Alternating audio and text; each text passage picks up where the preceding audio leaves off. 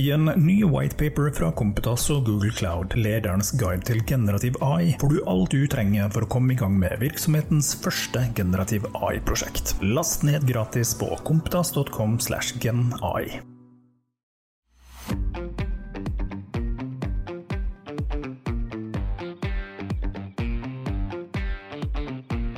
Hei og velkommen tilbake til Europowers strømmarkedet på tre minutter. Stigende priser det er noe som eh, går igjen denne uken. Så langt i eh, juni så har det vært ganske bratt prisoppgang i spotmarkedet, og det gjelder altså alle prisområder i Norge. Det er eh, litt mindre vindkraft i juni enn det vi så i mai. Og så er også flommen roet seg noe ned. Altså det er mindre vann som renner i vassdragene enn det vi så i den første flomtoppen. I tillegg så er det altså stigende priser i Europa pga. de høye temperaturene, som da øker energietterspørselen. Nå ser vi også at det begynner å dele seg opp i Sør-Norge. Altså Kristiansand går et lite sololøp når det gjelder pris, og ligger vesentlig høyere nå enn både Østlandet og Bergen. Disse tre prisområdene har jo tradisjonelt sett hengt ganske godt sammen, men nå så, så har det blitt et ganske klart skille, i alle fall. Markedsaktørene de tror at uh, prisløft det gjelder også fremtiden. Så i det som heter terminmarkedet, altså der hvor aktørene handler strøm for leveranse frem i tid, der har de løftet prisen for leveranse i juli. Midt-Norge er det de som har fått den kraftigste oppgangen, sånn relativt. Der er det nesten en dobling i prisforventningen så langt denne måneden, altså for juli. Det er oppgang for eh, alle prisområdene i Norge, og igjen så skyldes dette her eh, europeiske priser. Og så tok jeg raskt med en uh, juligraf også for Tyskland. Også de tyske aktørenes uh, prisforventninger for neste måned. Og der er det også en kraftig oppgang. Og summen her er jo det at det er uh, en varm sommer så langt, og det er ventet å holde. Og høye temperaturer i Europa det betyr at det brukes mye energi på bl.a. kjøling av bygninger.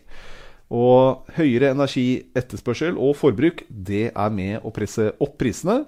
Og det ser vi bl.a. i gassprisen, som uh, også har steget en god del så langt uh, i juni. Og det, Oppgangene her er jo mellom 60 og 80% både i gass og strøm, sånn at dette her henger ganske godt sammen.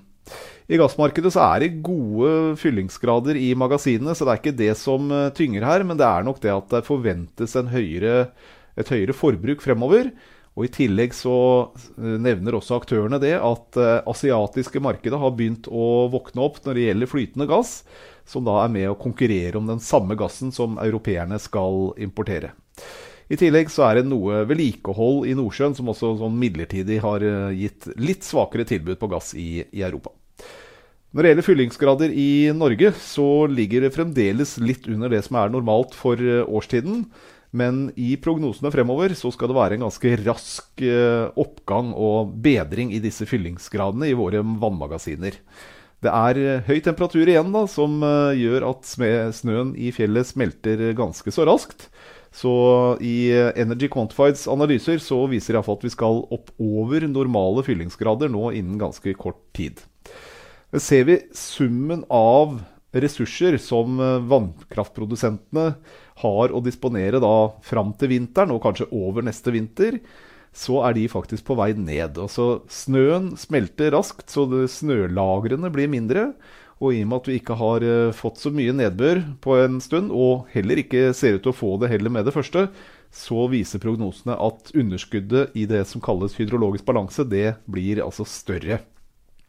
For Norges del omtrent 4 terawatt-timer under det som er normalt. Det er ikke noe sånn veldig krise, men ser vi på Norden totalt, så begynner vi å nærme oss 10 terawatt under det som er normalt. Og da kan det faktisk ha en priseffekt også for eh, strømprisen fremover. Men det gjelder å følge med på Europower daglig, så holder du deg oppdatert, og på gjensyn.